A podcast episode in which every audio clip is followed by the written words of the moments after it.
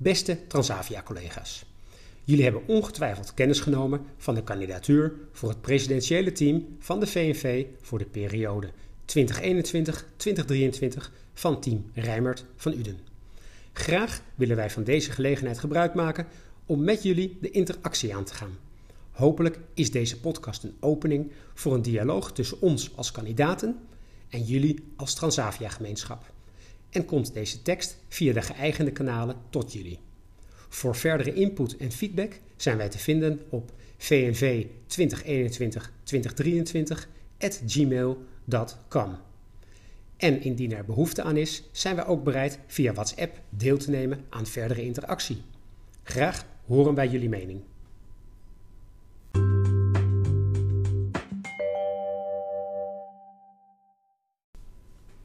Nicole, er wordt gesteld dat een stem voor het huidige presidentiële team een stem voor continuïteit zou zijn. Wat is jullie reactie daarop? Ja, dankjewel. Um, allereerst alle Transavia-leden, dank wel voor het luisteren. Um, ik hoop dat we jullie uh, antwoorden kunnen geven op een aantal Transavia-specifieke vragen. Ook een uh, aantal algemene vragen uiteraard. Um, eens even kijken. Je vraagt met betrekking tot uh, continuïteit. Als daarmee bedoeld wordt continuïteit van het huidige beleid, dan klopt dat. wij staan een verandering van beleid voor, zoals jullie in ons verkiezingsprogramma hebben kunnen lezen. En als met continuïteit, moeilijk woord, wordt bedoeld het voorbestaan van de vereniging en het zitten blijven van de huidige populatie, dan verbaast me dat wel. Um, deze verkiezingen gaan over het presidentieel team met bijbehorend beleidsplan. Niet over het voltallige bestuur en al helemaal niet over al die andere mensen die zich dagelijks inzetten voor de VNV. En als met een stem voor continuïteit bedoeld wordt dat het huidige team bij een eventueel verlies van de verkiezingen een dag later in Badhoevedorp de deur achter zich dichttrekt en ons met een erfenis achterlaat, ja, daar vind, daar vind ik wel wat van dan. Maar um, continuïteit van de VNV is uh, niet de verantwoordelijkheid van de kiezers, uh, de leden dus, maar dat is het van het huidige bestuur. Um, zij zijn degene die zorg moeten dragen voor een ordelijke transitie, uh, warme overdracht van de lopende dossiers. Schermen met een verlies aan kennis en kunde bij de overgang naar een nieuw bestuur is in mijn ogen niet de juiste weg. En het speelt in op de angst voor iets nieuws en iets onbekends. We hebben de afgelopen week al met diverse kundige uh, vliegers gesproken bij Transavia en andere maatschappijen. En we zijn er zeker van dat we straks met een kundig team van bestuurders aan deze klus gaan beginnen. Gesteund door een grote groep mensen die zich nu ook al inzetten voor alle vliegers binnen de VNV. Goed, dat kan maar gezegd zijn. Dan natuurlijk hetgeen voor jullie als Transavia-collega's belangrijk is namelijk jullie eigen arbeidsvoorwaarden. Zullen we beginnen met jullie standpunt met betrekking tot doorvliegcontracten? Ja, dat is een hot issue op dit moment. We hebben de vergaderstukken van de aangenomen motie van februari aandachtig doorgenomen en uh, wij delen de conclusie van de ledenraad. Waar in februari het bestuur zich meer in de lezen van het bedrijf leek te vinden, was best verrassend om te zien dat het bestuur in maart in één keer terugkwam op het standpunt rondom de doorvliegcontracten. En waar ze in februari nog de kant van Transavia kozen op het standpunt van de zwaarwegende omstandigheden, wilden ze nu wel met de Transavia-raad meebewegen. Uiteraard vinden wij dat een goede ontwikkeling, maar naar de oorzaak van de draai is het natuurlijk raden. Het kan voortschrijdend inzicht zijn, of misschien heeft het bestuur ons beleidsplan gezien, waarin we duidelijk aangeven deze resolutie te willen naleven. En hoe we dat exact gaan invullen is even afwachten. Het is een lopend dossier van dit bestuur en het is even bekijken welke stappen er al gemaakt zijn en wat er ligt als we het stokje overnemen. Het is voor ons duidelijk dat afspraken zoals de doorvliegregeling moeten worden uitgevoerd zoals in intentie is afgesproken en aan de leden is gecommuniceerd. CO-teksten die voor meerdere uitleg vatbaar zijn en waar een bedrijf uitleg in eigen voordeel aan geeft, zijn voor ons reden genoeg om alle mogelijke juridische wegen te bewandelen die er zijn, als het overleg niet tot het gewenste resultaat leidt. Jullie schrijven in een van jullie posts dat een beleid formuleren op de coronacrisis niet wenselijk is.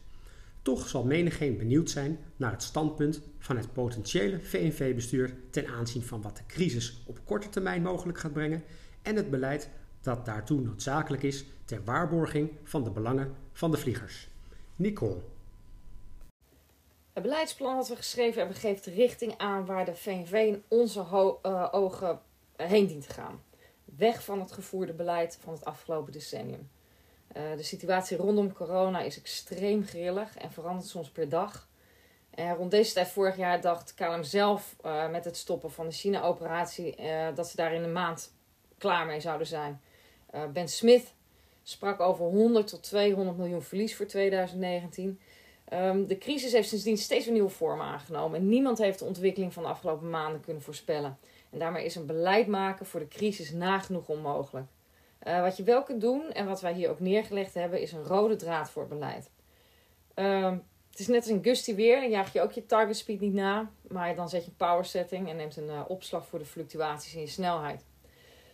We vinden wel ook dat de ledenraden uh, nauwer betrokken moeten worden bij het crisisbeleid. Door aan de ene kant meer informatie te delen en aan de andere kant vaker bijeen te komen en daar gewoon ruim de tijd voor in te plannen. Zijn jullie op de hoogte van de pensioenproblematiek bij Transavia?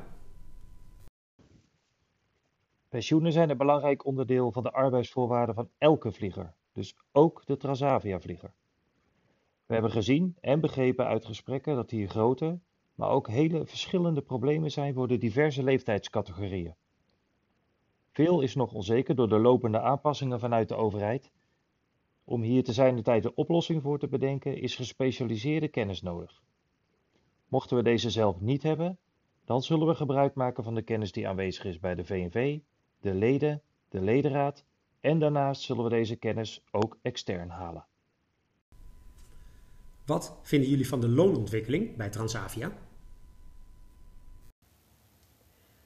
Uit gesprekken met collega's is gebleken dat de loonontwikkeling langs dezelfde lijn is gegaan als bij KLM, namelijk niet in de pas lopend met de landelijke loonontwikkeling en inflatie. Uh, dit onderwerp zal dezelfde aandacht krijgen als bij de KLM-vliegers. Uh, we zijn tenslotte één vereniging. Koen, Jullie stellen dat de continuïteit van het bedrijf het belangrijkste doel is. En jullie je bewust zijn van de verantwoordelijkheid die we hierin dragen. Uiteraard speelt dit in onderhandelingen een rol. Maar dit doel behartigt het moederbedrijf zelf al. Is je belangrijkste doel als vakbond niet het behartigen van de belangen van de vliegers? Het is denk ik voor iedereen duidelijk dat de luchtvaartmaatschappijen zich in een diepe crisis bevinden. Alleen de voet dwars zetten om hetgeen arbeidsvoorwaardelijk in het verleden behaald is te verdedigen, is niet productief. Je kunt niet alleen tegen zijn. Als vakbond dien je, weliswaar tijdelijke, aanpassingen aan operationele uitdagingen te willen faciliteren, uiteraard binnen de grenzen van je geformuleerde beleid. De geboden flexibiliteit door de vliegers is voor het bedrijf vele malen waardevoller dan de financiële bijdrage die we gedaan hebben. Daarmee borgen de vliegers de continuïteit van het bedrijf. Het maken van werkbare en leefbare afspraken is daarmee een van de belangrijkste taken van de vakvereniging in crisistijd. Nicole, dan misschien een heikel punt voor jou als KLM-vlieger. De productieverhouding met de KLM. Ja, er zal gewoon een goede bewaking nodig zijn en blijven om de productieverhouding met KLM in goede banen te leiden. In het verleden is er sprake geweest van het opstarten van nieuwe lijnen door Transavia, waarna bij succes deze lijnen door KLM gedeeltelijk of geheel overgenomen werden. En ook zijn we ons bewust van de gebeurtenissen binnen de KLM-groep ten tijde van de Europese uitbreiding in Denemarken en München. Kijk, als er sprake is van groei bij Transavia, dan komt die werkgelegenheid de Transavia-vlieger toe. Nu door corona slecht gaat in de industrie, zien we het risico op verschuiving van productie binnen de KLM-groep. En hier geldt dat dit nooit en ten nimmer ten koste mag gaan van werkgelegenheid. Nog bij het ene en nog bij enig ander onderdeel binnen de KLM-groep. Wat is jullie standpunt met betrekking tot een eventuele volgende inleverronde? Ja, we hebben natuurlijk allemaal de hint van de minister van Financiën gehoord op eh, nog een bijdrage van het personeel bij de op handen zijnde herkapitalisatie. Het is niet ondenkbaar dat een extra eis van de overheid langs dezelfde lat gelegd zal worden als de eerste. We hebben al kunnen zien dat dit tot ongewenste resultaten heeft geleid, waar het ene domein een arbeidsvoorwaardelijk offer van 20% inlevert, en aan de meeste werknemers in een andere domein zelfs een bonus wordt uitgekeerd over 2019 alsof er niks aan de hand is. Dat noemen wij disproportioneel. Iedere werknemer dient een steentje bij te dragen aan de continuïteit van het bedrijf. Niet alleen de breedste schouders moeten alle lasten dragen, maar iedereen moet zijn schouders onder het bedrijf zetten. Onze bijdrage is inmiddels ruimschoots geleverd en verdere financiële bijdragen zien wij dan ook als een emmertje geld naar een zee van schuld dragen. De impact van een eventueel volgend loonoffer op de individuele vlieger is vele malen groter dan op het bedrijf en daarmee is dat disproportioneel. Wij zien de bijdrage van de vliegers liever op het vlak van inzetbaarheid en flexibiliteit. Het bestaansrecht van het bedrijf is het vervoer van passagiers. En daar werkbare afspraken over maken, met het oog voor het welzijn voor de vliegers, is vele malen effectiever dan een loonoffer. Dan een kwestie die vrij specifiek is voor Transavia: fatigue. Hoe gaat dat jullie aandacht krijgen? Ja, daar heb ik destijds, toen ik eh, in de groepscommissie zat, ook veel aandacht aan besteed, aan fatigue. Ehm, de seizoensgebonden productie levert een verhoogde werkdruk op in de zomerperiode. De combinatie van krappe cruisesterkte in deze productiepiek met de specifieke werktijden van de charteroperatie vormen gewoon een reëel risico op fatigue. Een helder fatigue management en een vertaling hiervan naar de WRR moeten overbelasting en inbreuk op het welzijn van de Transavia-vlieger voorkomen. Tot slot hebben jullie het over met de directie zoeken naar oplossingen. Zien jullie ook nog een mogelijkheid om als potentieel bestuur van de vakbond samen met de ledenraad over oplossingen na te denken? Nicole en ik zien de leden en de ledenraad als een waardevolle bron voor kennis en input voor de koers van de vereniging. Immers de leden zijn de vereniging en de bestuur staat in dienst van die leden. Initiatieven vanuit de ledenraad zijn voor ons als bestuur welkom.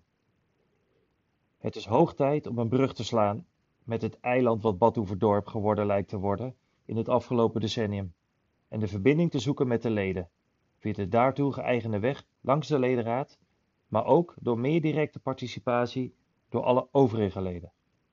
Niet voor niets vermelden we op pagina 12 van ons beleidsplan onze visie op de rol van de ledenraad en haar statutaire taken.